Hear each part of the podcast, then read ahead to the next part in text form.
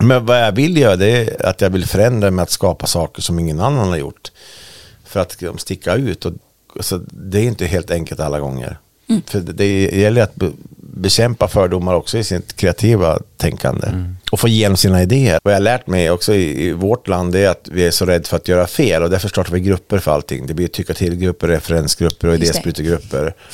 Eh, och jag vill också säga att det aldrig blir någon staty under referensgrupp någon gång. Vill också säga. Utskottets staty. vet. Nej, men det är för att vi inte vågar göra fel. Jag behöver ingen referensgrupp i det fallet som ska sitta och analysera vad jag ska göra.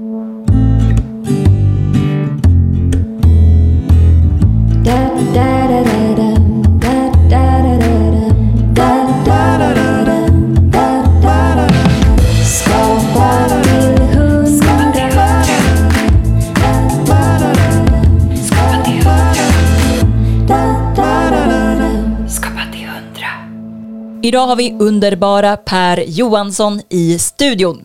Vi pratar om varför det är viktigare att få spela teater än att lära sig knyta skorna. Om att bygga ett kreativt team genom att alla får vara sig själva. Och om Pers superkraftiska förmåga att förverkliga drömmar. Du lyssnar på Skapa till 100, en podd om kreativitet och skapande.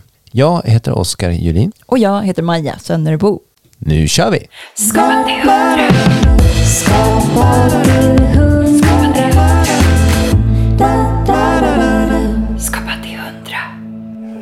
Det är inget dåligt ställe. Inget dåligt... Nej, nej men vi är så himla glada att vi får vara här. Det är fantastiskt. Ska jag sitta här? Ja, slå dig ner. Men hur går det för er? Går det bra? Alltså, den, den, den... Ja, nej men det tuffar på. Vi har ju fantastiska gäster som vill Ja, men, ja, men, jag ser vilket gediget, vilka fantastiska gäster ni har haft. Liksom. Det, det verkar vara något som folk vill prata om. Så att, eh, Ja, det, det, det är ett fantastiskt, det är en, det är en fantastisk eh, ådra och det är också, jag pratar mycket om det här med att vara modig. Att det, det är lätt att vara modig när det går bra. När, när det går åt helvete så då är man inte, lika, då är, då är man inte modig längre. Tar jag med, med våra skådespelare på ett plan över och jag ska testa ett flygcert och gå åt helvete, då är jag inte modig än, då är jag en idiot.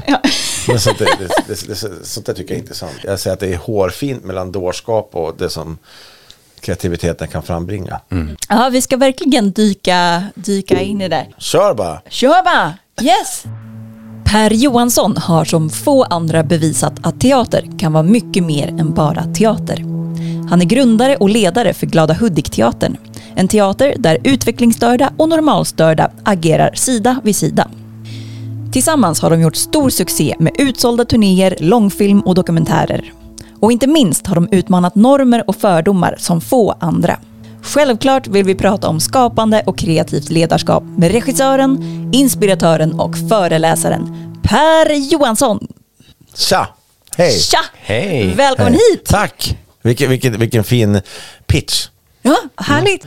Ja, vi, vi diskuterade här innan du kom. Vi är ju båda skolade i att man inte säger utvecklingsstörda. Men Ja. vi, har, vi har snubblat över i researchen att, att du säger det. Ja, gör, och det är ju liksom om man ser på Riksförbundet förbundet FUB så säger de också, alltså Riksförbundet för utvecklingsstörda, det- de säger också utvecklingsstörd. Ja. Och jag har jobbat nu i 25 år och fått klocka för att de här 25 åren, men eh, då har det blivit nya begrepp varje år, allt ifrån brukare, arbetstagare, utvecklings... eh, Alltså det finns tusentals begrepp för att man inte vet hur man ska förhålla sig. Men vi brukar säga att alla människor har en diagnos, och, men alla har inte fått den. Nej. Och därför använder vi det här ordet generellt och och säger normalstörd. Och Ja. det intressanta var att många journalister brukar fråga våra skådespelare hur de hur de tar det här. Och då, då var en journalist för ett par år sedan som frågade Ida, en tjej i vår ensemble som är en fantastisk kvinna. Bara, och så la hon huvudet på sned och sa Ida, hur känns det att de kallar dig för utvecklingsstörd? Och så Ida så här bara, jag är ju det. Sen var det slut på det. Men om ni skulle pitcha er själv då, vil- vilka är ni? Oj, och vilken, vilken tillbaka fråga. Men får man ställa motfrågor så här? Ja, verkligen. Ja. Vi har aldrig stött på det här. Så att, ja, ja nej, men jag, jag gillar väldigt mycket begreppet normalstörd. Ja. Det klingade an väldigt eh, väl i mig. För att jag, och jag känner också att ja, men ibland så vet man inte riktigt om man är passionerad eller om man är lite dum, liksom, som håller på med sin egen grej. Men Eh, tror du, att du, tror att du har en diagnos? Nej, det tror jag nog inte i... Jag tror inte att jag har ADHD eller något sånt, men jag, men jag känner ju igen mig. Jag är ju en passionerad människa som får idéer och jävlar i mig ska göra dem. Eh, och oavsett lite hur det går. Så jag känner verkligen igen det där. Man, det är, ja, ibland så tänker man varför håller jag på med det här? Eh, men det också finns ett så stort nöje i att förverkliga saker och hitta Ja, på saker. ja. Och det är också mycket grunden till den här podden. Men annars har jag jobbat med skrivande hela mitt liv. Eh, jobbat med copywriting och marknadsföring. Eh, och ja, men pysslar med musik också hela mitt liv. Så att eh, man har många eh, touchpunkter liksom till det kreativa på olika sätt. Nu fick vi, nu till att vad vill jag lära känna varandra. Ja, visst. Det gruppterapi. Oskar, Oskar, vem är du? Eh, nej, men jag är mycket mer eh, störd än normalt störd. Eh, och har, och har, har väl så alltid varit. Men, eh, men vi har väl det gemensamt här att vi, vi har liksom på, på något sätt ägnat oss åt kreativitet eh, ändra vi har fått betalt för det eller inte genom åren. Eh, Och jag har ju börjar väl egentligen liksom så här i musikvärlden, eller så med musik, gör fortfarande det. Eh, och teater, teaterpedagog och skådespeleri. Och sen språkvetenskap och sen har jag slagit ihop det där lite grann. Nu när jag jobbar med dialektbiten. Så. Eh, vad var det man skulle säga? Ja, en hisspitch, det, det är ju så bra när man får prata om sig själv, vilka, vilka man är. För oftast när man blir intervjuad så här i en podd, nu som jag ska bli av er, så är det bara fokus för mig. Men jag tycker också ibland det är också intressant att veta vem är det som intervjuar mig. Skapa till hundra. I Ja, alla förlåt fall. att jag startade, äh, förstörde den här starten Nej, nej, du har inte Det förstört någonting. Ja. Det är jättebra. Vi vill ha interaktion. Ja, det är bra. Det är härligt. Det är bra. I alla fall. Nu. Nu, Nu kommer det. Nu, Nu ska, kommer vi, det. nu ska vi börja med att checka in dig. Ja. Eh, för det är väldigt viktigt att vi tar tempen på alla våra gäster. Ja. Eh, kring din kreativitetsnivå Ja. just nu. Hur är den på en skala mellan 0 till 100? Just nu är den eh, 83. Eh, den har legat liksom lite i träda nu eftersom i, i, jag funkar så att liksom jag går till en gräns där det blir jätte, jätte, mycket och så blir det stopp och så känns det som man äter för mycket sämre ungefär så man blir trött ett tag. Sen, sen kommer det jätte, jätte, jätte mycket och så sen är jag en sån som inte har en så här långsiktiga plan utan jag sätter upp fingret och ibland så blåser det förbi saker och ibland blåser förbi saker som är förbaskat bra som jag går igång på, då hakar jag på det. Så jag är inte någon som gör sådana här eh, marknadsplan eller sån här långsiktig plan och tänker så här, vad händer fem år framåt? Det, det kommer när någonting enligt mig som är intressant blåser förbi. Och nu blåser det förbi en del grejer som jag tycker är intressant och då hakar jag på där och då, då kan det bli väldigt maniskt. Då, då kan det bli så att det blir dygnet runt och då jag vet inte om jag blir bättre som person då, utan jag blir väldigt så här tunn, man säger tunnelseende. Vad är du inne i en tunnel nu alltså? Eh, Ja, just nu håller vi på med ett projekt som är jätteintressant om svensk rasforskning som blir 100 år i år.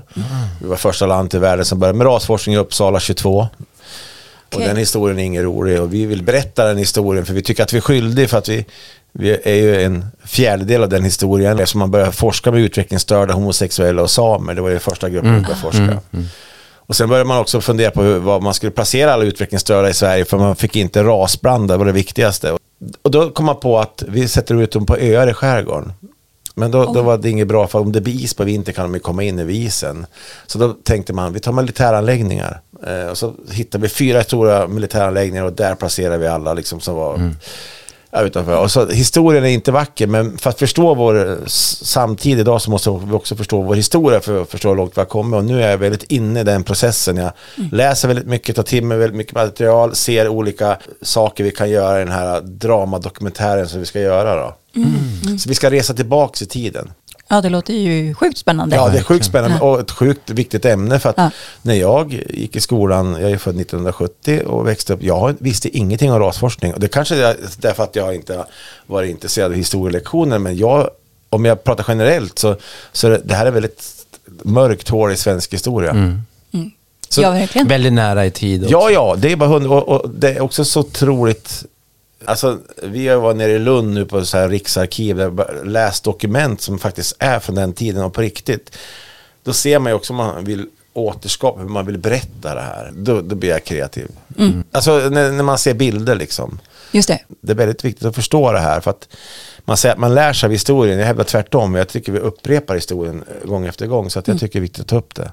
Ja, verkligen. Ja, och det är ju helt sant som du säger. Alltså, jag har nog aldrig, absolut, rasfor, rasforskning har liksom swishat förbi, men jag kan inte minnas att man lärde sig speciellt liksom, uttalat om det i skolan. Det var ju mest kungar. Det var Karl den blubbi blubb som Ja. var och red på något fält och det var något slag. Alltså, så här, det känns som att det är inte så speciellt relevant för idag Nej. jämfört med det här. Nej, det är nej, det men- här man borde lära sig i skolan. Jag vet, och, och, och, det är så intressant för att jag, jag kommer ihåg skolan som väldigt ljus. Jag fick ju vara mig själv, kommer jag ihåg. Kommer ihåg att, jag kommer ihåg tre saker. Att jag somnade med fröken Berit Lenngren läste Mimimi och då somnade jag. Tyckte att det var tryggt när hon läste. Och så läste jag med att eh, jag kunde regnbågens färger, Rogbiv, röd, orange, gul, grön och indigo, violett. Och så kan jag immediately, alltså som glosa, immediately.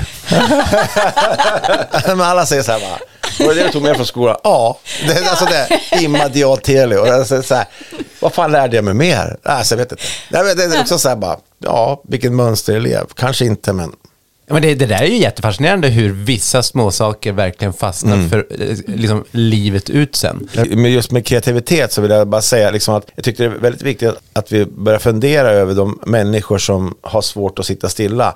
Tror jag att det är också människor som är på något vis har en kreativ ådra. Det, är också en, det kanske är en författad mening jag har, men jag tror att det finns det.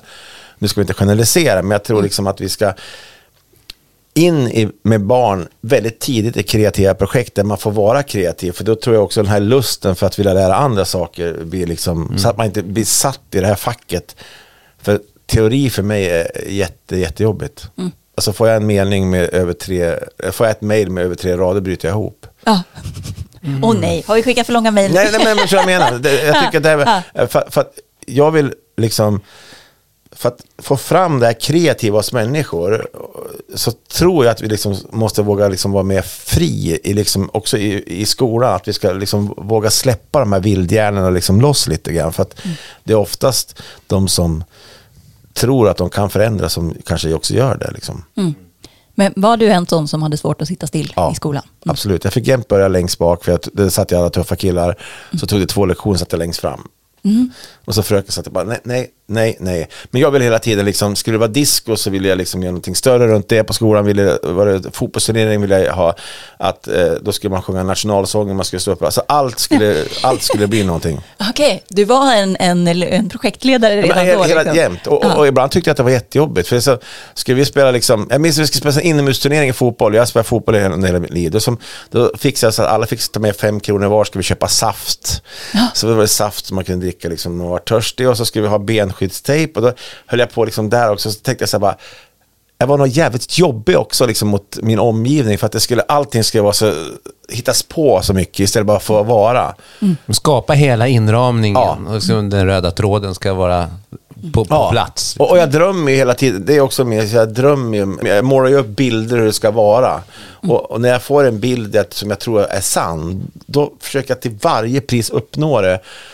Eh, och ibland känner jag bara, vad fasiken drar jag igång allting det här? För, för att vid möten ibland så tänker jag så här, nu ska jag hålla käften så att inte jag ska ta över eller att jag ska vara så här, att komma med idéer.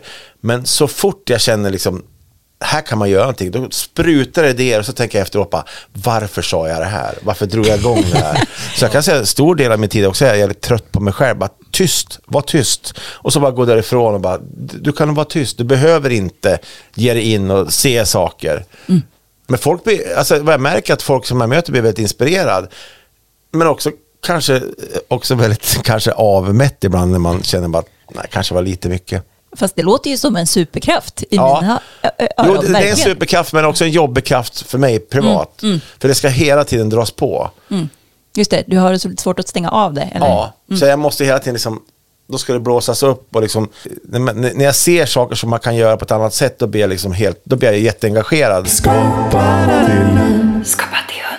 Du har säkert berättat det här massor av gånger, men, men för att få alla lyssnare med ombord liksom på, på resan med Glada Hudik, Ja. Vill, vill du berätta om... Ska jag ta en hi- hissversion? En, en kortare version? Precis. Ja, jag, tar jag var arbetslös i Hudiksvall. Jag drömde om att bli fotbollsproffs. Mitt bästa kompis Thomas Brolin vart fotboll, hamnade i världslaget och jag hamnade på en daglig verksamhet för utvecklingsstörda i Hudiksvall. Och där klyvde man ved. Och jag, jag, jag kommer aldrig glömma, för det här var 92, jag fick sån här ALU-tjänst. Och de som fick ALU-tjänst på den tiden, de var ju längst ner på skalan. Det var de som man inte kunde placera någon annanstans. Då fick man oftast jobb inom omsorgen. Och då fick jag för en daglig verksamhet och så jag kommer aldrig glömma första dagen när- när jag, när jag kom dit så var jag helt säker att jag skulle bli överfalla människor, skulle hoppa på mig och dregla på mig. För sådana fördomar hade jag. Och det, det hade jag därför att jag inte hade mött dem. Men jag kommer aldrig glömma att när jag mötte, öppna dörren, så kom människor mot mig och kramade mig och sa bara, gud vad roligt att du är här. Och att de är lika glada att se mig 25 år senare tycker jag är ett gott betyg. Ja. Eh, och, och sen så vart jag utskjutsad till den här vedbacken och där såg jag att man tränade dem på allt de inte kunde för att passa in i normen och normal. Sen kom, så vi, och, och, och vedklyvning var inte min grej. Vi, vi klyvde och kapade liksom fem kubik om dagen.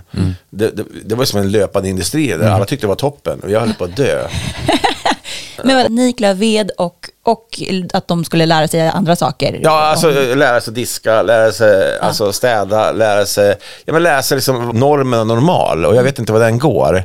Och alla, de sa bara Per, inte tar vi träden slut i skogen. Men bara, jag sa bara hoppas, hoppas, hoppas, hoppas. Jag vill inte kliva ved någon gång. Men, men, men då såg jag liksom att istället för att de skulle träna på allt de inte kunde så, så fanns det saker som jag såg i strukturen. För att varje år ska vi skicka ut såna här broschyrer till allmänheten om Downs syndrom. Det ska skickas ut så här, vi ska, vi ska integrera dem. Jag tänkte, hur ska vi kunna integrera i teorin? Vi måste ju skapa ett möte mellan människor. För jag, jag tänkte också hoppa tillbaka till den första dagen på mitt jobb när jag, när jag mötte dem. Då förändrades mitt synsätt så här. Jag hade aldrig mött dem, jag fått 3000 broschyrer. Utan för mig är det mänskliga mötet det viktiga. Ja. Tänkte jag så här bara, jag hade en dröm till, förutom att spela fotboll, det var att spela teater. Jag jag fick spela kung när jag gick i lågstadiet en gång. Jag var jättenervös innan, men när jag hade gjort det var jag världens stoltaste och då var jag liksom tagen med teater. Men jag hade aldrig tagit upp ämnet. Och då såg jag att de här människorna var ju född till skådespelare för begrepp, för begreppet gör bort existerar inte. Nej, just det. Tänkte jag, om jag får jobba med teater, jobba med de här människorna, slippa vedbacken, eh, få in dem i ett sammanhang, också hitta en gemensam nämnare med, med allmänheten. Då skulle vi hitta liksom, slå två flugor i en smäll, de skulle integreras. För att jag hävdar att får man saker gemensamt, det är då man börjar prata med varandra. Och när man börjar prata med varandra, det är då fördomarna faller. Det är det lösningen är, enligt mig. Så då tänkte jag, så jag startade, så jag sprang upp till min chef Britt-Marie, hon har betytt oerhört mycket för mig. Hon är en fantastisk människa och sa bara att vi vill, jag vill starta en teatergrupp för att jag älskar eh, människorna med vedklyvning till min grej. Då sa hon nej. Oj.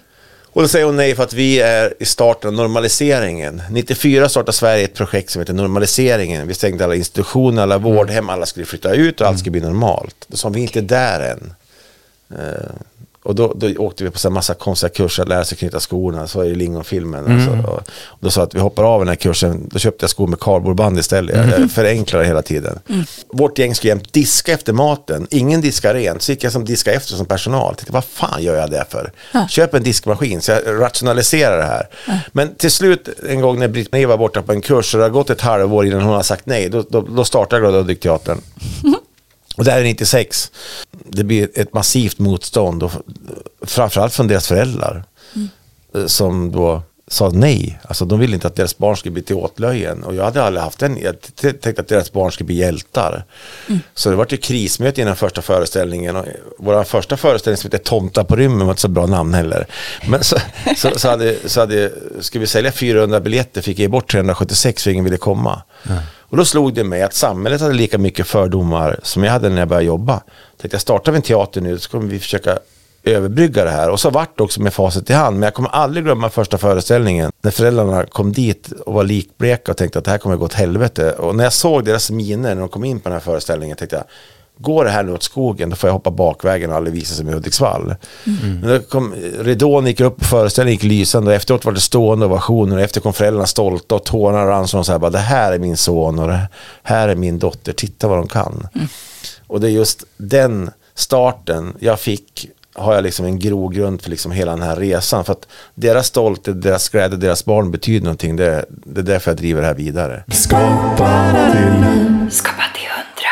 Och sen har vårt sätt att finnas nu i den, den offentliga miljön gjort att de här människorna har fått en plats som har blivit mer naturlig. För att under resans gång har vi skapat massa av saker som inte kanske tillhör teaterscenen men som är väldigt etablerade. Vad betyder det? Alltså andra aktiviteter Jag vill och vara med och skapa till exempel ja. reklamfilmskaraktären Ica-Jerry. Ja. Det är Mats Melin, han är, Ja. våra, han, han är kändis nu så han går 50 meter före oss. han, är the big star. Men han, eh, han, han skapar vi för att ICA och Glada Hudik startade ett projekt som heter Vi kan mer, ICA ska börja anställa utvecklingsstörda. Så var det ingen som skrev om det här, vi tyckte att det var jättebra. Och då skapade vi den här reklamfilmskaraktären, det var ett jävla liv när han kom. Alltså, vad- hur kan det se ut en kille med Downs syndrom? Okej. Och ingen visste att vi skulle börja anställa. Eh, och då kommer jag aldrig glömma när det är som mest jobbigt runt det här med reklamfilmerna så tänker jag bara, har jag tänkt så otroligt fel nu? För att jag går bara på intuition, jag, jag kör och ibland kan intuitionen ha fel. Så ringer jag upp Mats mamma Monica och säger, bara, tycker att jag gjorde fel att jag drog igång det här nu? Då säger hon bara, vet du, när jag födde Mats, det var 69 sa hon, eh, då fick mamma, alla mammor in sina barn på salen, inte jag. Jag fick in adoptivpapper för att fött ett monsterbarn. Och att vi behöll han, han får vara lycklig och stolt, det, är en seger för oss. Ja. Och vart är bara en massa reklamfilmer. Han har gjort 83 idag Mats nu då. Och nu drar man privat och blir stuntman i Hollywood. Han ska göra Die Hard 66 säger han. Men för ett tag sedan sa jag jag kommer inte kunna åka till Hollywood. Vad då då? Så jag bara, om jag lär mig engelska fattar jag inte ord när jag kommer tillbaka. Jag bara, sluta. Så, sluta. Men, men det är intressant att ICA idag har anställt 1700 stycken i sina butiker. Mhm. Ja, vad Så att, så, att, så, så att när man gör saker konkret, det är då folk följer efter. Mm. Sen har vi gjort en utställning som heter Ikoner som ska ha premiär i Berlin i, i, i april. Eh, en utställning med 21 modeller med Downs syndrom. Det gjorde vi ihop med Fotografiska museet, hade premiär 2016. Den har varit fullbokad sedan dess. Så att vi, vi gör massa saker Mm. konkret så att människor ska liksom få gå. Vi, vi är en opinionsbildare kanske. Ja, Men ja. Jag, jag, jag hade aldrig gjort en fotoutställning förut. Jag är jätteintresserad av fotokonst, jag tycker att det är jättecoolt, men jag hade ingen insikt i vad det var. Men vi gjorde ett så här minifotoprojekt i Portugal med vårt gäng. Och när, när, när jag såg tänkte jag att det, här, det finns någonting i det här.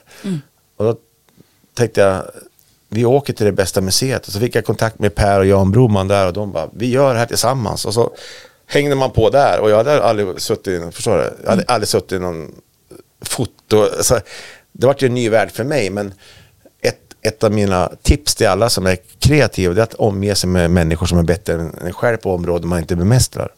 Och det är jag bra på. Så, så att när, jag, när jag kommer på någonting, då vill jag till de bästa. Skapa till hundra. Jag fick en så stark bild när du liksom bara så här i förbifarten säger att eh, din bästa vän Thomas Brolin. Eh, Men han har ju varit en, en fantastisk vän genom alla tider. Vi gick ju fotbollsgymnasium tillsammans. Hans plan lyfte ju före mitt. Men det är också det som är livet. Att liksom, jag har genom hela mitt liv hört liksom att jag ska vänta på rätt tillfälle. Men då ska jag säga till alla som lyssnar på den här podden att jag vet fan inte när rätt tillfälle kommer. Jag vet aldrig när det är. Så därför säger jag till alla, bara gör det nu. Ja. Vänta inte en sekund. Och de här marknadsplanerna som sträcker sig tio år tillbaka, långt fram i tiden, då, då, då, då svimmar jag när jag får höra det. Ja. Vad, vad vet man då? Ja. Och man får också fråga, hur, vad ser du själv om fem år? Alltså det, det är helt omöjligt. Ja. ja, nej, jag har också jättesvårt att Ja. se. Jag, Men varför, va- varför måste man svara? Alltså, och så här, det, finns också, det finns två frågor som jag, liksom så här, nu kanske ni har ställt upp de här. Vad ser du själv om fem år? En sån här vanlig. Och så, Ja, så här bara, hade du gjort det här med facit i hand? Det är också så här bara, hade jag gjort det här med facit i hand? Ehm, nej, för om vi har haft facit på allting, då har vi aldrig gjort något fel. nej. Och man hade väl inte lärt sig någonting heller då, antar jag. Och jag tror framåtrörelsen hade stannat upp, för då hade det liksom blivit ganska ointressant. Ja, exakt. Man vet redan hur filmen slutar. Ja.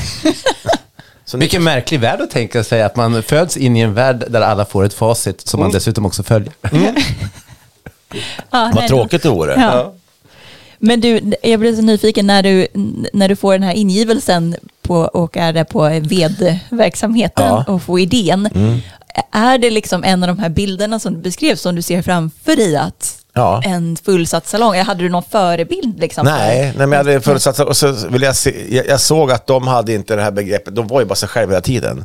Och det är fort, de är fortfarande sig själv. Det, det är svårt, för de är ju liksom, många frågar mig hur, hur, du måste ju utveckla dem så otroligt mycket. Och jag säger, det, det är oftast tvärtom. De får ju leva, de får ju med, leva mitt liv på högsta volym varje dag. Så att jag får ju mer från dem och att deras sätt att vara sig själv, det är det som gör att jag växer också som människa. Och det är därför man säger, jag har ju varit med i alla föreställningar vi har gjort. Ja. Alla de här 25 åren, det är det bästa jag vet. Och det är så roligt också när folk kommer fram till mig efteråt och pratar bebisspråk och klappar mig på huvudet och säger bara Gud vad du är duktig för utvecklingsstörd. Ja, jag säga. Så.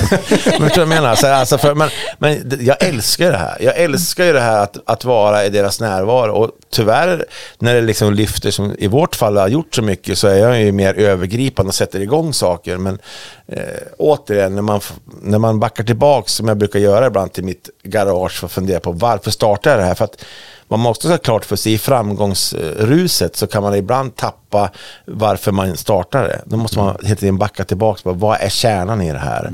Och när jag kommer tillbaka till den, då känner jag mig otroligt trygg. Skapa till hundra. Er senaste film Catwalk började med ett brev till dig. Ja. Som lät ungefär så här, delvis så här.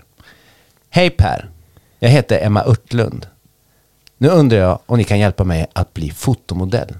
För jag har drömt om det här i hela mitt liv. Vad tänkte du när du läste det brevet? Jag tänkte att, jag hade träffat Emma innan. Och då tänkte jag så här att du är den vackraste människa på jorden, både själsligt och till det yttre. Och jag, alltså, om man träffar Emma, det kommer man aldrig glömma, för hon, när hon kliver in i ett rum, då lyser sig rummet upp. Hon är som ett typ ett helgon som jag var. Så jag ringer upp Emma och säger Emma, jag ser vad du skriver, men människors lika värde bygger inte på hur man ser ut. Du ska ju bli accepterad som Emma. Och då säger hon så här bara, Per, vet du en sak? Det är bara massa fina ord. Jag vill bli fotomodell, jag vill göra en catwalk. Och jag vet, skriver man till Glada Hudik-teatern brukar ordna sig. Så la hon på. och, då, och, då, och då började jag fundera, för att min dotter Elsa var 14 år då. Och så började jag prata med henne om normer, hur man ska se ut. Och då fattade jag att det här går bara längre och längre ner i åldrarna.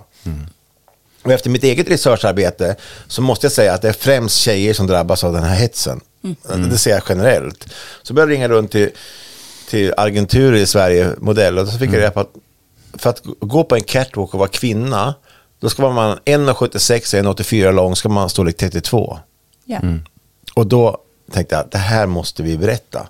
Så för två år sedan då fick jag Emma med Ida, Kitty, Alex och Niklas sin egen catwalk på Fashion Week i New York. Och jag sa, när jag fick uppleva det här var som att alla mina känslor jag känt under hela mitt liv gick genom kroppen på ett par sekunder, det var total eufori.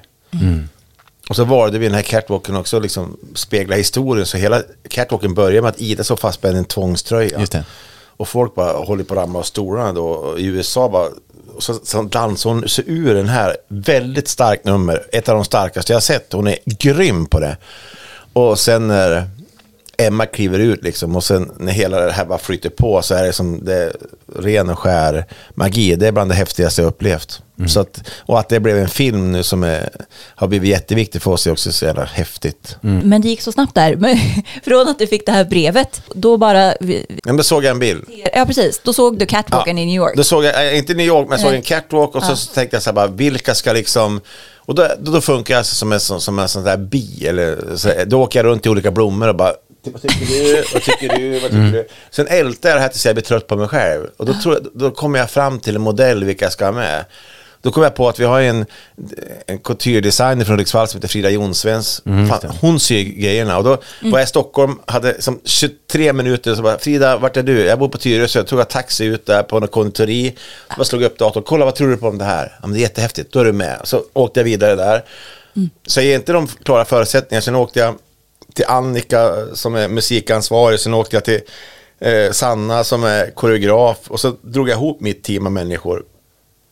Och ingen fattade från början vad det här skulle leda. Men eh, återigen, de är väldigt duktiga på det de gör. Så, så vart det ju det här, den här catwalken. Mm. Och de här blommorna, det är alltså olika personer som du liksom, eh, liksom och så lyssnar också bollar liksom, olika grejer. Men också där liksom, ni vet ju det att det är modernt och man ska mingla idag. Jag, jag har jättejobbet att mingla, det är det värsta jag vet. Ja. Jag tycker det är jättejobbigt. Ja, alla, verkligen. ja, men Ja. alla tycker att jag är social och bara, men, jo till en viss gräns, men det att kallprata hur duktig man är, det, det har jag svårt för. Men vad jag vill eh, säga det är att jag, för att jag ska få ett, förstå samhället så måste jag nu mingla med ett tvärsnitt av samhället. Så jag vill säga så att jag tycker det är lika intressant att lyssna på eh, farbröderna som sitter på OK i Hudiksvall och tippar trav på lördagar. Hur de för sin diskussion. Som att s- vara på Almedalen och gå ett, eh, på ett mingel med HR-chefer. För att jag ska lära mig förstå. Och därför frågar jag också runt till folk helt random. Vad, vad tycker du? Vad tycker du? Vad tycker? Och till slut så bara Jaha, vilka som helst Ja, alltså. alltså, jag, jag vill bara, vad, tycker du? Hur skulle det se ut? Hur skulle det se ut? Och sen kom jag på, liksom, den ska inte vara för lång, vi måste få en övergripande. Och det är intressant att jag säger att den ska vara mellan 15 och 18 minuter den blir 17 och 20 lång, alltså i tid. Men också det att man får en, en bild, men också att jag hittar människor som är väldigt duktiga. Så jag, jag, jag, jag, jag kopplar ihop ett team av människor. Sen kände jag direkt att vi vill ha Aviciis musik och då ringde jag upp en kompis som heter Per Sundin som chef på Universal och då kände han Claes Berling och fick jag träffa Claes och då, då, då fick jag också som, så då, då, då ringer hela kontaktnätet och sen kan det bli att vi, vi tar inte Aviciis musik, nu fick vi använda den och också göra om den lite så det var jättehäftigt. Så vi vill liksom, på något vis när vi åkte till USA vill vi exportera människovärde. Och sen när vi kom till USA så modeveckan där är liksom, det är en av de mest fashionabla veckorna. Det är dels svindyrt, det är jättesvårt att hitta lokaler, men också att hur skulle de ta emot det här? Då hade vi två visningar när vi spelade in det här. Alltså, då hade vi 300 personer per visning. Och det var ju som så folk från modeveckan och de visste ju ingenting. Nej, de Men trodde de var vanlig. Ja, alltså, de visste, de fick, de fick faktiskt, Emma startade visningen med att hon berättade att sådana som hon varit instängda på institution för tillbaka, Ja. nu så slutar det med att de ska ta revansch. Men det intressanta är att efter visningen, då ville inte de gå hem. Så vi fick problem att få ut människor för att få in till nästa, för att de ville bara stå kvar och prata. De var helt så här, det var jätteintressant. Och återigen, det som jag tror på det här mänskliga mötet, hur det kan förändra, liksom, hur det kan krossa fördomar, hur vi kan liksom bara mötas. Och det, det är just det som är grunden till allt vi håller på. Otroligt. Jag, jag hade en frå- fråga som var i vilken ände börjar man sen eh, eh, för att förverkliga en sån dröm, en sån dröm. Men eh, det, det, jag, Ekonomiskt. Det, det så? alltså, Mm. Ja. Så vi måste, ha, vi måste ha ekonomi till att skapa förutsättningar Ja, för att lyckas. Först ringer jag upp hela min telefonbok och skriver projek- projektansökningar som en galning. Ja. Så att vi måste skapa eko, alltså ekonomi för att man, jag vill inte göra en catwalk där folk tycker synd om de här människorna. Jag vill att, att, att de ska bli bemötta med respekt. Det måste vara på riktigt. Mm. Så som jag formulerar frågan så, så, så var det som, som en tydlig dröm. Men det låter lite som att du ändå sådär, just med de här blommorna och liksom börjar känna det för kontaktnät så. Ja. Att det, liksom, det, det, det, det snarare växer fram än, Ja. än att... Ja, men, också, men så sen, sen, jag tänkte direkt New York, för jag, Mm. tänkte, liksom, det är liksom, jag älskar New York som stad. Mm. Och tänker också, när modeveckan, liksom alla, liksom, New York är en sån här symbol för mig som är coolt. Mm. Jag såg liksom Emma och Niklas komma på Times Square, de fick vara så, med så här frihets, någonting med någon typ av frihetskänsla. Så att det var, det var otroligt coolt att få vara med om den stunden och, och se de här människorna göra på det sätt de gör. För att ni ska veta, liksom, alla tror liksom att jag men går det att repetera in saker, klarar de press? Alltså när det blir skarpt läge, alltså jag har aldrig mött mer professionella människor än Nej. det här gänget. Skapa till hundra. Men hur ser ert samarbete ut liksom i ensemblen när ni ska ta fram en sån här eh, som catwalk? Vad är din roll och vad är, hur involverade är de liksom i själva... Alltså jag tar fram, alltså när vi ska göra catwalk så tog jag fram eh, modellerna utifrån vilken personlighet de är. Niklas, han är one of a kind, han älskar glitter, glamour, han eh, älskar killar, han älskar flärd, han är, han är en fantastisk, han är som en, han brukar busringa till mig ganska ofta, det är också ganska roligt. För Niklas busringer till mig och då ringer han från sitt nummer så jag ser att det är han. Så jag bara Niklas, om du ska busringa, hitta på någonting annat. För nu ser jag att det är du som ringer. Så, så är det alldeles tyst och så hör någon andas. Så jag bara, Niklas, är du? Bara, han bara, ja. Men, och han bara, det är inte jag. Men alltså, jag vet inte varför jag sa det. Men han, det är en fantastisk eh, vän och människa. Han är ju så, Alex som vi tog med i den här gruppen, han är ordnings... Han, han vill liksom ha kontroll. Kitty som är med, är med drama, kultur, otrolig kreatör. Hon kan skapa liksom... eh, Alltså hon är jättehäftig. Ida är ju den spröda ballerinan och Emma var ju som förgrundsfigur med att det här blev av. Så det bygger ett team av olika karaktärer som man bygger vilket, vilket team som helst. Och så tycker jag att de här är bra och sen måste jag in med människor som kan förverkliga det här. Och liksom, jag sa att ni är här som modeller. Ni ska ju ha era inslag, men det är Ida, det är hon som ska sy det här, det är hon som ska stå som designer. Vi ska göra det på riktigt. Då säger alla bara, men får inte alla välja själv? Eller får de inte hitta på sin egen? Nej, men så, det, det sker ju alla, i alla andra lägen heller. Nej. Men så fort i vårt, när det ska bli med utveckling, så då ska alla vara med, och ska vara lika för alla för att det ska bli rättvist. Det. Och då blir det ingen utveckling heller.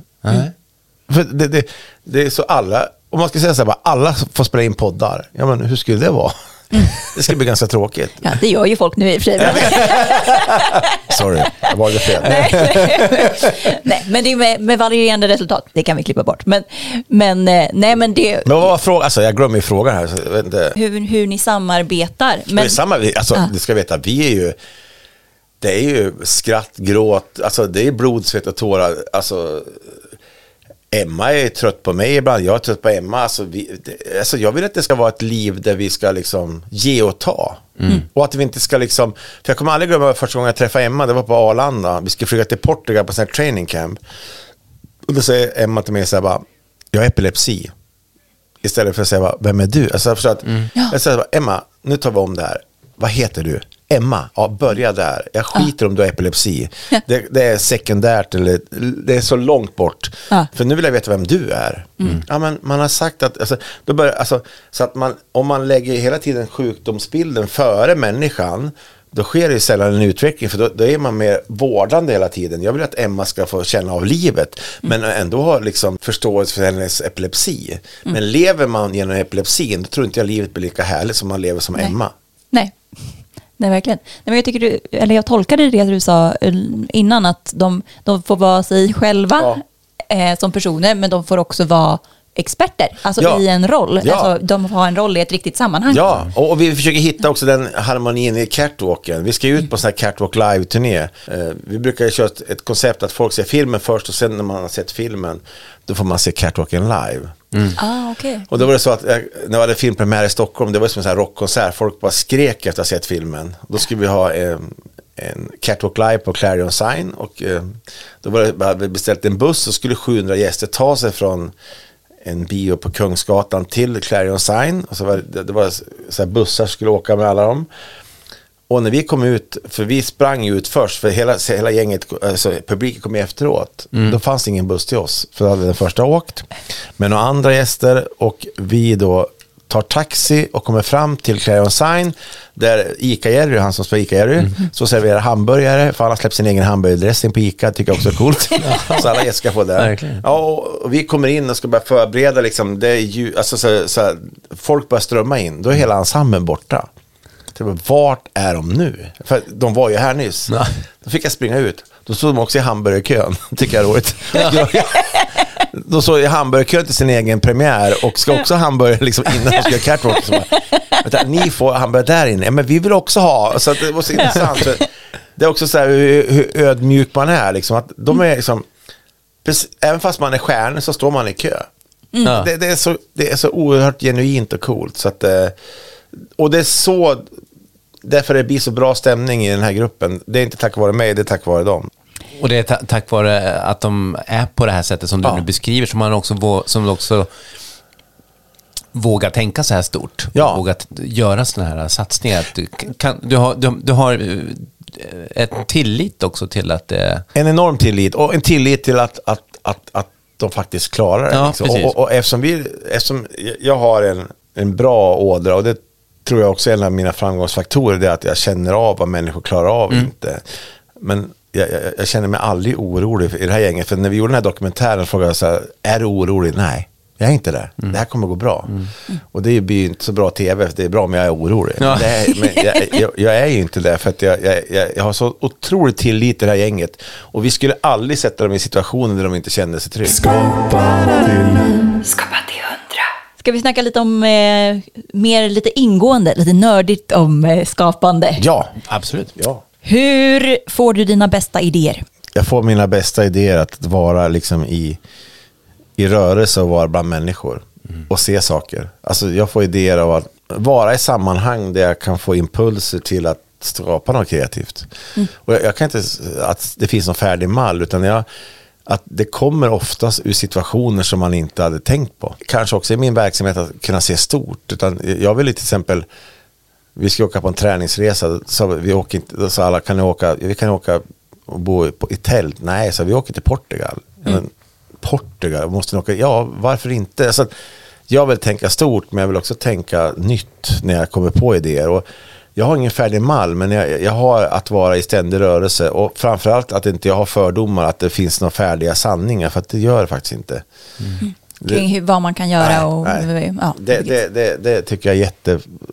många säger bara så här är det. Och jag, passar mig jättenoga för att gå in saker i sten, att så här är det. För att vad jag har lärt mig är att det är, livet är så föränderligt hela tiden så man vet ju inte liksom. Men vad jag vill göra det är att jag vill förändra med att skapa saker som ingen annan har gjort. För att liksom, sticka ut. Och, så det är inte helt enkelt alla gånger. För det, det gäller att be, bekämpa fördomar också i sitt kreativa tänkande. Och få igenom sina idéer. Och så få också att folk tror på sina idéer. liksom. Vad jag har lärt mig också i, i vårt land är att vi är så rädda för att göra fel. Och därför startar vi grupper för allting. Det blir tycka till-grupper, referensgrupper och idésprutegrupper. Och jag vill också säga att det aldrig blir någon staty en referensgrupp någon gång. Vill också säga. Utskottets staty. vet. Nej, men det är för att vi inte vågar göra fel. Och, och jag tror liksom så att, att jag behöver ingen referensgrupp i det fallet som ska sitta och analysera vad jag ska göra. Jag behöver röster från olika håll. Det blir ofta så homogent för att vi, men vågar vi göra det här nu? Men jag säger bara prova för att återigen, vi kan inte vänta på att det ska, liksom, på att det ska bli rätt jämt. Så det vet vi ju inte. Och hade vi facit på allt, då skulle liksom livet stanna av. Men jag tycker det var superintressant det där som du pratade om innan, att du gör någon slags så här informell marknadsundersökning, alltså den här bi-metoden Mm, Ja, liksom. ja. Surra lite med, med gubbarna på macken och Ja, sen ja. med någon annan som du springer förbi. Ja. Alltså, det känns ju, alltså så här, det känns väldigt modernt måste jag säga. Alltså, jag vet, men det, men det är också för att jag ska få den här bredden, hur, hur, Ah. hur, hur tänker man runt det här? Och jag, jag vill också få den bredden hur jag ska kunna bekämpa fördomar, hur jag ska få dem att förstå. Mm, just det. Det här, mitt jobb handlar ju också om att bryta barriärer, bekämpa fördomar. Då, då måste jag försöka sätta mig in hur människor tänker. För det, det är väldigt lätt att mingla i en homogen grupp och då är det Mm. jättelätt att svara på frågor. Men eftersom ham, samhället eh, som jag drömmer om är en kittel av mångfald så måste vi också förstå att det finns många frågeställningar om varje fråga. Mm. Men jag, jag bara såg framför mig, om jag får knyta tillbaka, det finns inga, det finns inga statyer över referensgrupper, men hade det inte varit en vacker bild av Sverige om det i någon stad någonstans faktiskt fanns en, en, en varm staty av en referensgrupp? Jo, det, det, det, ska, det ska bli jättefint. Och, men men, men jag, det, det, jag skämtar lite så här. Det, men, men, jag vill också säga så här, det, det är också lätt att, att, att skylla ifrån sig att det, det är andras fel. För det är vårt lätt skyller vi ifrån oss på politiker och regeringen och statsministern. Men vad jag vill också som, eh, poängtera i allt det jag, jag måste också börja med mig själv. Alltså vad, vad, vad har jag för ansvar i det här? För det är lätt att säga att det är andras fel om det går åt helvete. Men jag tycker också att man måste också börja med sig själv. Vad, vad kan jag göra för att bidra? Och det, det tror jag är jätteviktigt. Jag försöker också fundera väldigt ofta på min egen roll. Ja men precis, jag tänker det i din roll som kreativ ledare så Mm. det, känner du att du behöver vara eh, kreativ och i form för att vara sen en bra kreativ ledare?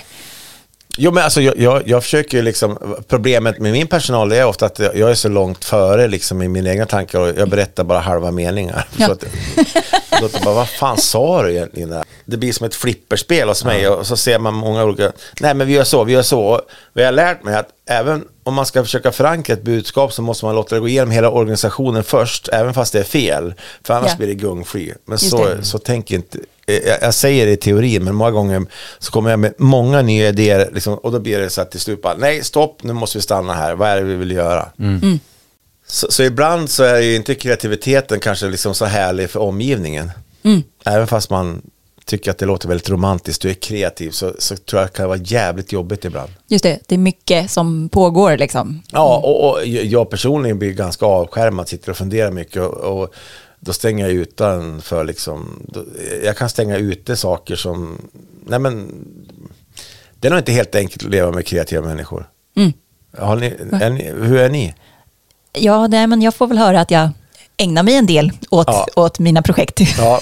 och kanske inte, ja eh, precis, det tar ju en del timmar. Ehm, ja. Men det blir ju så, och, och, för ibland kan också kreativa människor, alltså nu säger jag, läs eller hör Per Johansson, tycka att det liksom är världens centrum och det är också så här att jag känner mig sårad. Ni förstår inte min kreativa ådra. Nej, men, jag tror att kreativitet och drama hör ihop typ. Eller gör inte det? Jo, det gör det verkligen. Nej, men, och sen Eller så, på vilket sätt? Bara- Men är du dramatisk?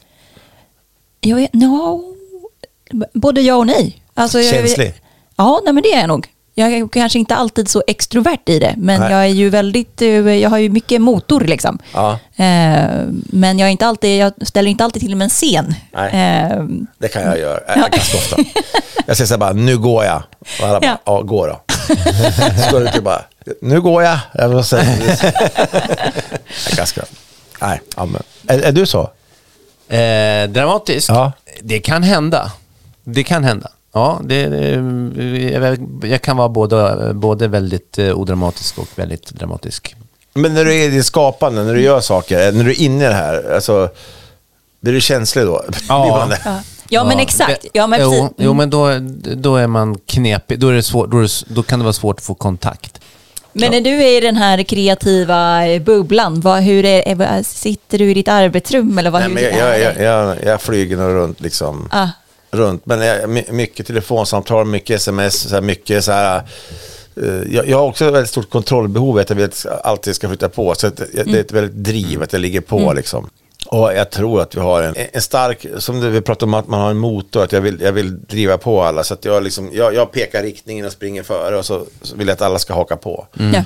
Men det, som jag sa, att eh, kommunikation är kanske inte min bästa del. Så att ibland pratar jag bara, som jag då också sa, halva meningar och då är det svårt att ibland förstå.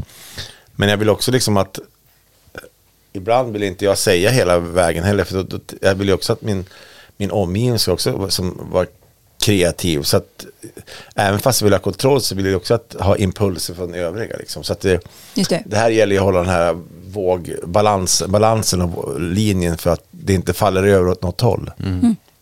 Just det. Ja, men precis. För det var en av våra frågor faktiskt. Hur gör du andra kreativa? Jag försöker göra miljön där vi är liksom kreativ. Liksom, och jag tror att kreativitet smittar också av sig. När man känner att man är i en kreativ miljö. Jag har inget som färdigt att man målar speciella färger på väggarna eller jag dricker något speciellt te eller att jag gör sådana här qigongövningar två timmar per dag. Utan jag, jag försöker liksom skapa en form och en, en, ett tillstånd där människor får känna att liksom, de får göra det de är bra på. Skapa till Skapa till hundra. Just nu är jag dille att kolla på livscoacher. Ja, okej.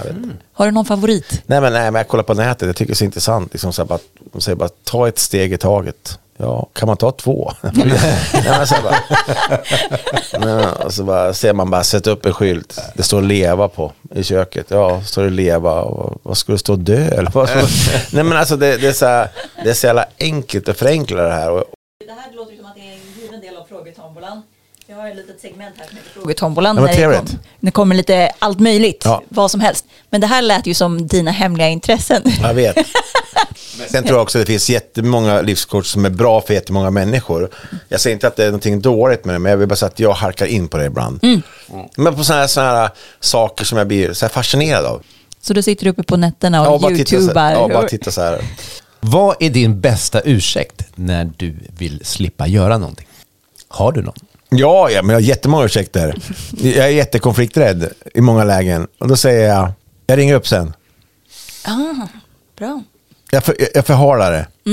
Var det dåligt svar? Nej, det Nej, var jättebra. bra- Jag satt bra fun- tips. Ja. Nej, det var jättebra. Jag bara, jag bara satt och funderade på, då kanske också, då konflikten, eller det som, det som har blommat upp kanske lägger sig lite också. Eller jag skjuter fram det. För kan- se- sen kan ju vara liksom om ett tag. Ja, och det kan ju ha lugnat ner sig också. Ja, det kan jag ha gjort det, men Men det kan också bli värre. Oftast blir det värre. För då har den andra gått och Ja, ja. marinerat Ja, sig i det. marinerat och blir bara förbannad. Säger varför stoppar du huvudet i sanden? Ja. Mm, Okej. När man var liten sa man skulle hem och äta. Ja, Ja, just det. det var en klassiker. Hem och äta. Nu ska jag hem och äta. Det har man inte tänkt på på ett tag. Nej. Men det är helt sant. Ja. Vad gör du när du har tråkigt? För att få tråkigt, eller när jag har tråkigt, då, då smsar jag en massa människor och försöker få kontakt. Och svarar de inte skriver jag ho-ho.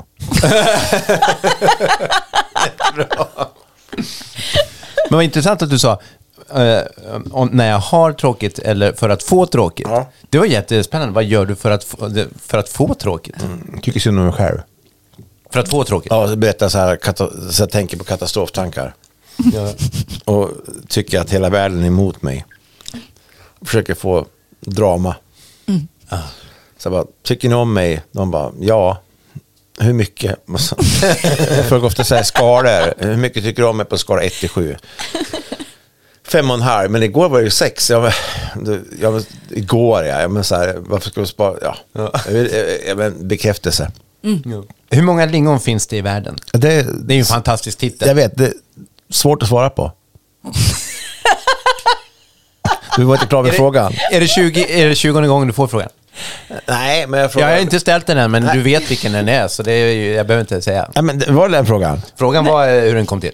Hur den kom till? Nej, hur, hur namnet, alltså hur titeln kom till. Titeln kom Ja. till, inte filmen. Ja, men det, är- det är en jätteklassiker. Det, det är när vi ska vara med till Fyras Nyhetsmorgon och en, en i vår ensemble eh, ser Tone Bäckestad som är representatör. Ja. Och eh, säger bara, gud vad hon är vacker. Ja, men nu ska vi vara med i det här programmet så fokusera här nu. Men har du en raggningsreplik? Så han bara, nej, vi tar, alltså, nej det har jag inte. Eh, och så sen, just när programmet ska starta och Tone ska köra vädret så, så kommer han på sin egen raggningsreplik till henne. Så säger han så här bara, eh, jo Tone, nu har en sak jag vill säga, hon fattar ju ingenting. Och jag hade ju pulsen hög för det var ju ungefär en miljon tittare på den här Nyhetsmorgon. Då, då, då, då vänder sig Tone och säger bara, Tone, vet du hur länge lingon har funnits? Så, så, här, så det var ungefär så. Och hon fattade, hela studion bara brakade ihop, så vände han sig på mig och bara, Per, den där satt klockrent. då." så det, det, kommer från hur länge lingon har funnits, så det kommer från, Ja, det så, ja. Ja. så det, det kommer av den sägningen. Och den, jag kan säga till alla som lyssnar, testa den raggningsrepliken, fråga hur länge lingon har funnits, för den kan man ju diskutera också hur länge som helst. En bra isbrytare. Ja, mycket is, och, också den man säger till kommer bli mycket förvånad, för den är ganska skruvad. Men genialisk enligt mig. Skapa till Skapa till hundra. Du har redan nämnt att du ville bli fotbollsproffs. Yes! När du blev, st- när du blev stor, när du Jajamän. var liten. Ja. Och skådespelare, eller vad, Ja, hur, alltså- var, hur var det? Nej, men jag drömde om att spela teater. Så jag, var ju med i en, en, en föreställning där jag var kung när jag gick i lågstadiet. Det, det, det tog mig väldigt hårt, för jag har en bild kvar på den när jag sitter med kungakronan där.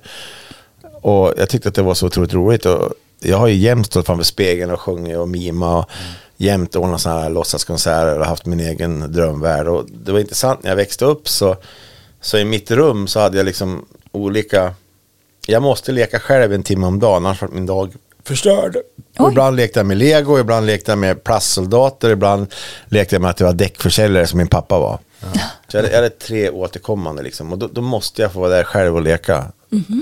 Det var så jag byggde min drömvärld. Liksom. Och det, jag tror att jag är en otrolig drömmare. Liksom. Jag fantiserar väldigt mycket. Och det tror jag liksom är också en del av min kreativitet. Att, att jag får vara i fantasin.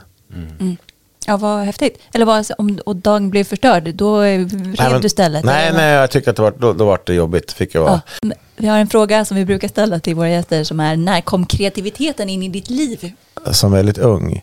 Som väldigt ung så, jag fick en, en, en trehjuling eh, i plast, en traktor. Och då åkte jag runt med den på gatan och liksom, alltså min kreativitet hör, hör ihop med mitt entreprenörskap. Jag tror liksom det är väldigt nära där. Och då så åkte jag runt med den här trehjulingen som var i plast och eh, samlade in sopor från grannarna. Och så försökte jag sälja dem sen. Oj, Ja, så det var, och så, sen ordnade jag jättemycket så här, turneringar. Landhockey, ishockey, mycket med idrott, turneringar. Och, Ja. jo, och, så, och så spelade jag eh, ishockeyspel. Men oftast Ja, var jag, eh, brorsan är sex år äldre, så han vill vill inte vara med mig. Men jag spelade, då spelade jag liksom så att jag bytte sida. Så jag sprang Aha. över och körde på. Rund, eh, ja. ja, hockey, precis. liksom. Och då fick mamma sjunga nationalsången. Och så gjorde jag flaggor som jag hissade liksom. Så det var, det var mycket sånt, det skulle vara liksom ordning runt det.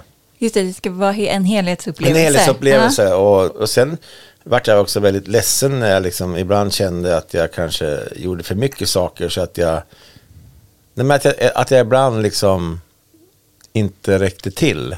Att jag ville göra för mycket. Men jag tycker det är fascinerande där, att det känns ju som att du var du gjorde ditt yrke, alltså ditt yrke Ja, som du har kommit och jobbat med. I, i, i liksom hemma i ditt pojkrum. Ja. Mm. Fanns, det, fanns det någon gång när du tvivlade, du sa att du fick halka in på, det här, på den här dagverksamheten via Mm. Arbetsförmedlingen.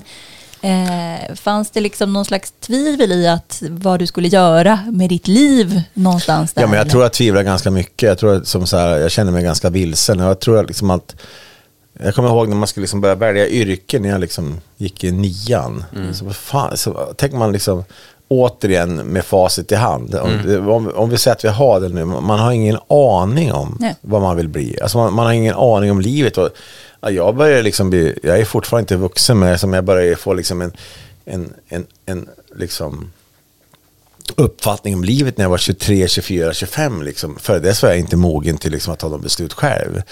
Men jag var ju alltid aktiv liksom, i att göra saker. Jag spelade ju fotboll under lång tid och där var jag liksom sålde jag sponsor, alltså jag, jag, jag utvecklade, alltså i alla typer av sammanhang jag varit har jag ju fått utnyttja min kreativitet. Och det, det har ju blivit väldigt, väldigt bra saker som, som har hänt av det. Och jag, jag är ju lätt att få folk med mig. Så att så jag tror alltid jag har fått utlopp för det här utan att ha tänkt på det och satt ord på det. Och jag tror ibland, börjar man sätta ord på för mycket saker så tror jag också att det kan hämma sin kreativitet. Jag tror liksom att man ska få vara fri, liksom, för jag tror liksom, hade man satt in mig i en struktur, att jag fått sluta flyga, då tror jag att jag hade stannat av. Det är bara så intressant för att när man tittar på ditt liv så tänker man ju så här, okej det har varit samma yrke liksom genom hela, men, men det kanske inte är din upplevelse. Nej, nej och det är därför jag drar igång mycket projekt, för att jag har ju som så här, jag har ju koncentrationsförmåga som en, som en guldfisk. Så, att, så att när det blir tråkigt då vill jag vidare. Så att jag, jag är inte kvar, liksom, i vissa grejer hänger jag kvar som jag kan vidareutveckla, men i vissa saker så då lämnar jag det bara liksom. Skapa hundra. Du har fått många priser Ja. för ditt kreativa ledarskap, av kungen till och med. Ja, det är helt otroligt. Slottet är nära här. Ja, Ja, det är exakt. Helt otroligt. Och det är jättefint. Men det intressanta just med priser är att jag, jag känner ingenting av de priserna. För att det här är liksom också ett dilemma i, min, i mitt sätt att vara offentlig. Och att, att jag känner liksom, jag tror att ju mer jag skapar, ju mer omtyckt blir jag. Och då, då, liksom, då tror jag liksom att ju mer jag kan åstadkomma, ju mer kärlek får jag. Det säger mer med min egen uppväxt. Jag, jag, jag kopplar ihop, bli omtyckt med att jag ska göra saker. Så om, om jag tänker att de här priserna står ju hemma i en hylla hemma hos mig och det är jättefint. Men det är som att det är en plexiglasskiva emellan och jag knackar på den. Jag ser att de står där, men det är ingenting som jag går och tänker på. Liksom. Nej, men det är som att jag känner, jag har fått dem, det vet jag. Men jag känner inte liksom att det är förbi. Och det är just också det, den drivkraften, jag vill hela tiden framåt, jag kan aldrig stanna upp och njuta. Det är en jättebra motor, men det är också kanske jobbigt för omgivningen, det är även där. Så att eh, som ni förstår så är jag en väldigt, jag är långt från fulländad, så jag är nog en väldigt komplex person så. Men kan de hjälpa på något sätt eh, om, om det är så att man känner att så här, nej fan jag har det inte. Om, om, du har, om du har någon dag där, det- där det kanske, jag vet inte om du har sådana dagar där det känns som att jag har inte förmågan eller jag kan inte åstadkomma någonting. Det är kört, jag har tappat. Kan det hjälpa att titta på, om det nu är så, priserna eller liksom skulle, eller tvärtom? Så här, Nej, men alltså, komma. jag har jättemånga dagar där jag ligger under täcket och funderar. Liksom. Eh, För jag, jag tror liksom att ju mer vi vågar erkänna våra dåliga sidor, ju, ju helare blir jag som människa. Och jag, jag har jättemånga dagar då jag liksom bara vill ligga kvar i sängen och sova och tycka att jag, vad fan, jag har ing- inget att komma med. Alltså, det, det, det kommer sådana dagar för mig ganska titt som tätt. Eh, nej, de hjälper inte då, Nej. inte då heller. Som person är jag väldigt komplex för att jag är väldigt tuff för mitt jobb och feg privat. Så när jag blir Per Johansson, eh, så här, alone, då blir jag väldigt så här, ältande och så här, fundersam över mycket saker. Men i jobbet då kör jag bara på, för då, då, då är det inte jag, utan då är det någonting helt annat. Så att jag skiljer väldigt mycket på det. Och jag, jag, så här, ju äldre man blir så har jag fattat att jag skiljer bara mer och mer på det. Och det är ganska intressant, så jag lär mig hela tiden mycket om mig själv. Jag, tänk, jag kommer på att jag har jättemycket så här, katastroftankar över saker som kan hända mig privat. Jätteofta katastroftankar. Och, och det har jag aldrig satt ord på förut. Men nu när jag börjar sätta ord så förstår jag att jag haft det. Ja. Men vad intressant för du beskriver när du beskriver ditt, ditt jobb- ditt jobb-jag då kanske Ja. att du ser en bild och sen åker ni till New vet, York och att det finns inte en, ett uns av tvivel nej, liksom. nej. All, all tvivel, tvivel hamnar på privatsidan Jag då, vet, eller? jag vet. Det är Ja. jätteintressant. Och det, det, jag vet inte, är jag kanske, jag kanske ja, många olika personer. Det tror jag man är. Men, jag- men sen är det så intressant för att jag kan ju älta i 23 år om jag ska köpa en ny diskmaskin om det är rätt vattenmängd och rätt strömsparsläge. Så, och då bara tänker jag, varför gör jag det? Liksom, när jag kan vara så tuff på andra sidan. Men det är väl liksom att då kommer man åt mitt inre, då är jag liksom, nu är det inte med diskmaskinen, men alltså när det blir jag som person, då är det liksom ganska naket och då är det liksom mer sårbart.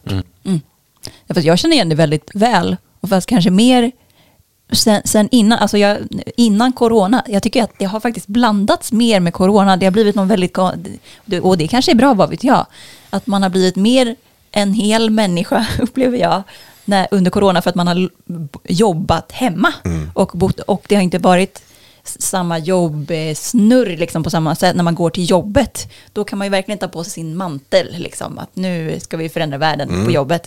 För jag känner igen det väldigt väl, det här med att på jobbet så kan man driva saker sjukt hårt Ja. och verkligen liksom execute. Ja. Och sen så, hemma så är man någon, någon annan liten osäker fläck eh, Ja, men det, och då och det, då. det, då kommer man också på liksom hur sårbart det här är. Liksom. När, man, när man får vara med om sån här pandemi, liksom, när man också bara vaknar upp och bara tänker på vem är jag i hela det här, hela den här, hela världen liksom blir drabbad av samma sak.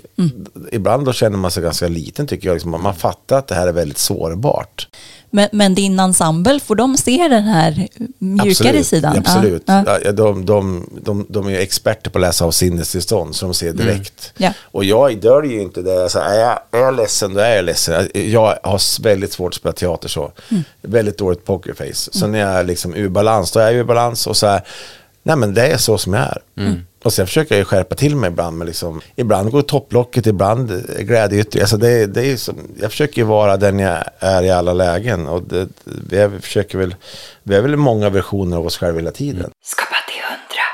Vi har också börjat jobba internationellt nu, så vi är i Lettland, och Makedonien och Georgien. Du vi lyfter över våra projekt dit, liksom, för vi vill applicera. Alltså, många projekt vi gör bygger vi så att vi kan applicera det som legobitar på andra ställen. Att det ska bli långsiktigt. Jag liksom, det är jättelätt att starta projekt och det är jättecoolt att vara projektledare. Men jag säger så här, om vi ska göra någonting så måste vi fundera på varför gör vi det?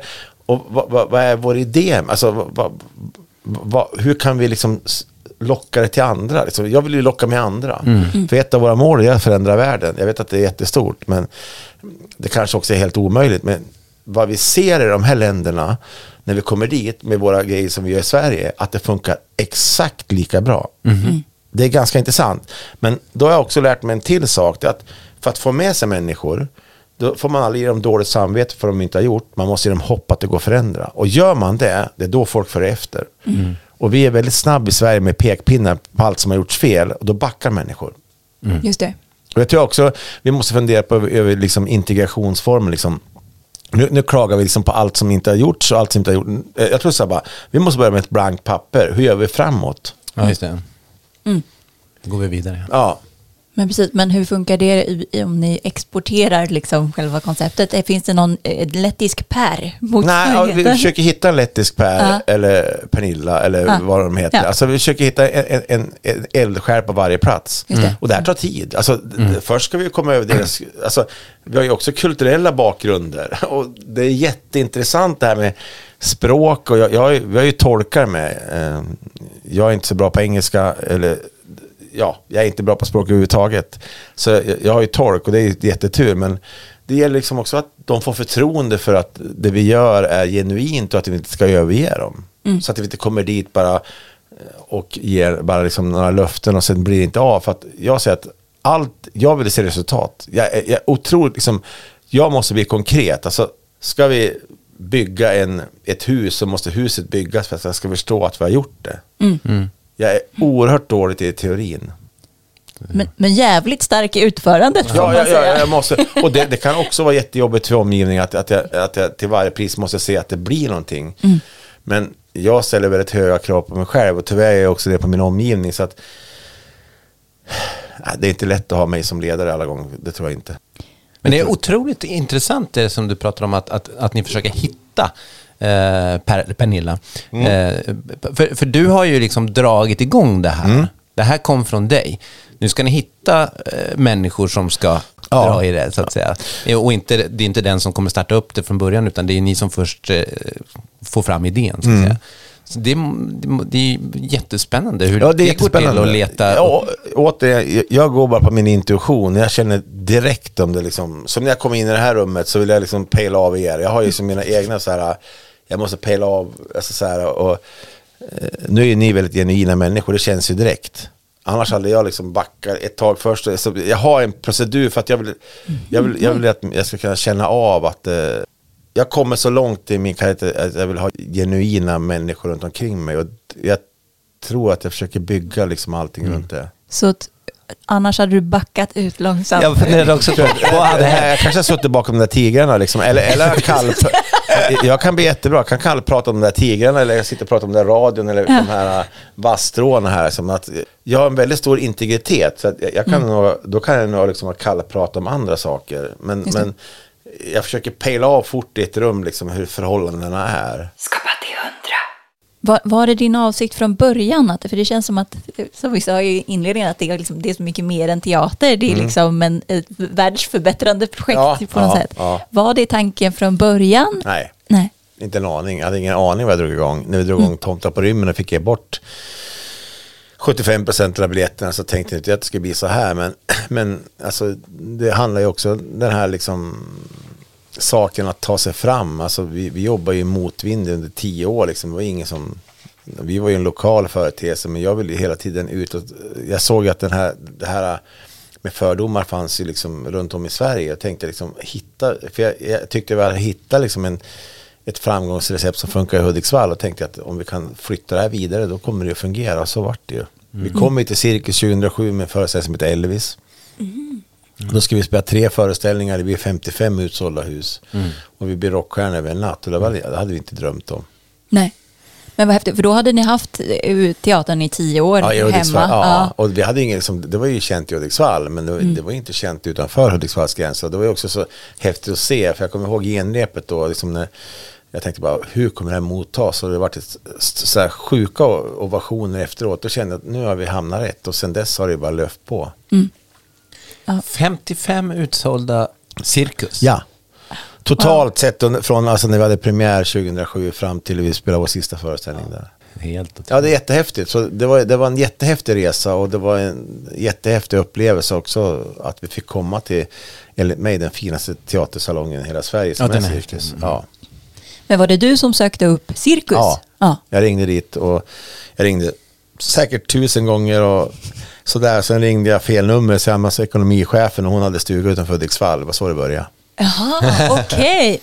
Sen tjatade jag hål i huvudet på henne så att jag fick träffa Palle som är chef. Och Palle Gustafsson, om du hör det här så tackar vi dig jättemycket för att du gav oss chansen. För att eh, utan dig hade vi inte stått här idag tror jag. Ja, fantastiskt. Ja, verkligen fantastiskt. 55 utsålda cirkus är ungefär samma sak som två utsålda Ullevi, så det är Ja. och Håkan Hellström. Ja, Skapa till hundra. Finns det något eh, kvar på din bucket list? Nej jag har ingen bucket list. Du har inte det? Nej, jag har inte det. Alltså, det är väldigt tråkigt att jag säger så förstår jag. Men, men alltså, jag har alltid satt upp sådana saker som blåser förbi mig. De hakar jag på. Så att eh, jag kan om två dagar hitta på något nytt sak som jag vill göra.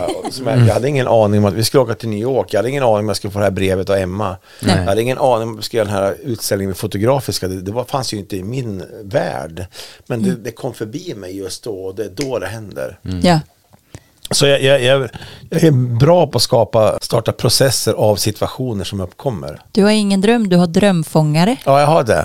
Och det är ett tips till alla som lyssnar på den här podden. Det är att liksom inte lyssna på alla andra hela tiden som, som kommer med saker som inte går. Utan man har ofta som en inre kompass. Och även fast jag är som ett bi och lyssnar på få impulser så får jag också människor att säga att det här går inte, det här går inte. Ja, för det, för det måste ju ha hänt när du då gick runt där inför Catwalk Ja, ja, och ja. så. ja, ja. Och varför ska ni till New York? Varför, varför ska ni göra det här? Vad är det förenligt med kan inte Emma uppfylla sin egen önskan på andra sätt? Liksom, men- men jag vill ju konkretisera. Jag, jag vill ju liksom att Emma också ska komma i ett sammanhang där hon fick vara den här stjärnan som hon faktiskt är. Och just när hon klev ut på catwalken i sin revanschklänning, den klänning hon inte fick ha på skolbalen. Vi gjorde ju en klänning som var symbol för den. Så var det som att hela världens eh, eh, känslostormar öppnade sig. Jag tror jag aldrig gråtit så mycket, förutom när jag blev pappa i mitt liv, när, när det här hände. Det var som en total känslostorm. Skapa till Skapa till hundra. Vad är bäst just nu enligt dig? Det som komma skall. Filosofiskt svar. Det mest filosofiska vi har fått tror jag. Ja, det slår alla. Mycket öppet. Och... Nu kan jag sätta det på väggen som carpe diem och det som komma skall. och ta ett steg i taget. Om man vill närma sig ditt hantverk, alltså då att bli nyskapande teaterregissör, Mm. var ska man börja? Jag tror att man ska eh, börja med att skriva ner det man tycker om att göra och så ska man försöka hitta forum där man får chans att göra det man tycker om att göra. Jag tror det är viktigt att man skriver ner saker ibland som är liksom, blir att det här tycker jag om. Så får man liksom söka sig fram just som att flyga som den här humlan till olika blommor och titta på det här kanske är en plats för mig.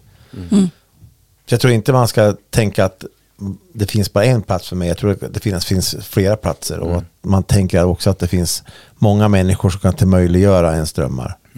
Det är inte lätt alla gånger och jag säger att det inte är lätt men jag tror alltid att det finns någon plats för alla människor. Vilket är ditt bästa tips för att bli kreativ? Att vara sig själv. Jag tror liksom att också många kreativa människor blir till exempel lite mobbade i skolan för jag tror att de är ganska annorlunda. Jag, jag har varit, alltså jag har varit inte mobbad men jag kände mig ibland utanför på något vis. Och jag tror många som är så väldigt speciella tror jag kommer... Men jag, jag tror att det har ihop med att man är väldigt speciell på något sätt. Att man ser andra saker. Jag älskar den här liknelsen med humlan. Alltså humlan tror jag att det är det mest sympatiska djuret. Men Ja. det är också, det känns så, det känns som fint att vi alla är små humlor Ja. som åker omkring liksom och, och ja, undersöker, kollar lite olika Ja. blommor. Så här, är, det, är det här min blomma liksom? Jag, jag, tror att jag, jag- det tror jag jättemycket på. Det. Så tror jag att jag är. Och ibland kan humlan flyga fel. Det vill jag också säga. Liksom, allt är inte liksom så här spikrak. Liksom. Så att, eh, Och det är väl humlan som inte kan flyga egentligen också? Exakt. visst är det det? Det är Jag det som det. gör den så sympatisk, exakt. Att det är liksom, den bara tror att den kan flyga fast den liksom vetenskapligt sett inte ska kunna göra det. Vi sa till honom att han inte kunde flyga, men han ville inte lyssna. Nej, det är exakt så det är. är det bra slut där nu då? Det blir helt fantastiskt. Tack snälla för att du ville komma. Men tack för att jag fick vara med. Skapa till hundra. Otroligt roligt. Ja. Skapa till Skapa till hundra. Vi ska inte hälla ut vatten över tekniken bara för att vi har haft det väldigt, väldigt roligt Bara här för att just nu. vi är så exalterade här nu. Ja, nu är vi faktiskt exalterade för att det, det här var så pass kul så att vi kanske skulle gå och äta lunch, Ja, alla tre. Vem, vem vet? Ja, Vem nej, vet? men alltså, otro, vilken, vilken människa. Man fattar ju att han är extremt framgångsrik som, Ja. som ledare. Liksom. Han är ju en sån, jag menar, han är en sån fascinerande blandning känner jag. Av, av liksom det här super genomförandekraft men också så otroligt mycket människa liksom. Mm. Nej, men alltså det är, det är en otrolig glöd. Ja, verkligen. Vilket driv. Ja, men jag tycker det blev ett väldigt fint samtal för att så här, jag tänker ofta, vi har ju väldigt eh, framgångsrika personer här i, i, i podden och vi pratar ju oftast om ja, men, eh, ja, allt häftigt som de har gjort och att de får dela med sig av alla tips. Men det är ju mycket att man är, vi alla är ju människor bakom liksom, fast man är väldigt framgångsrik och att man är väldigt duktig på det man gör så kan man ju ändå liksom stångas med massa annat liksom, eh, parallellt. Och att det behöver inte vara att bara för man är framgångsrik så är allting så lätt. Eller så, har man, så är allting liksom bara en dans på rosor.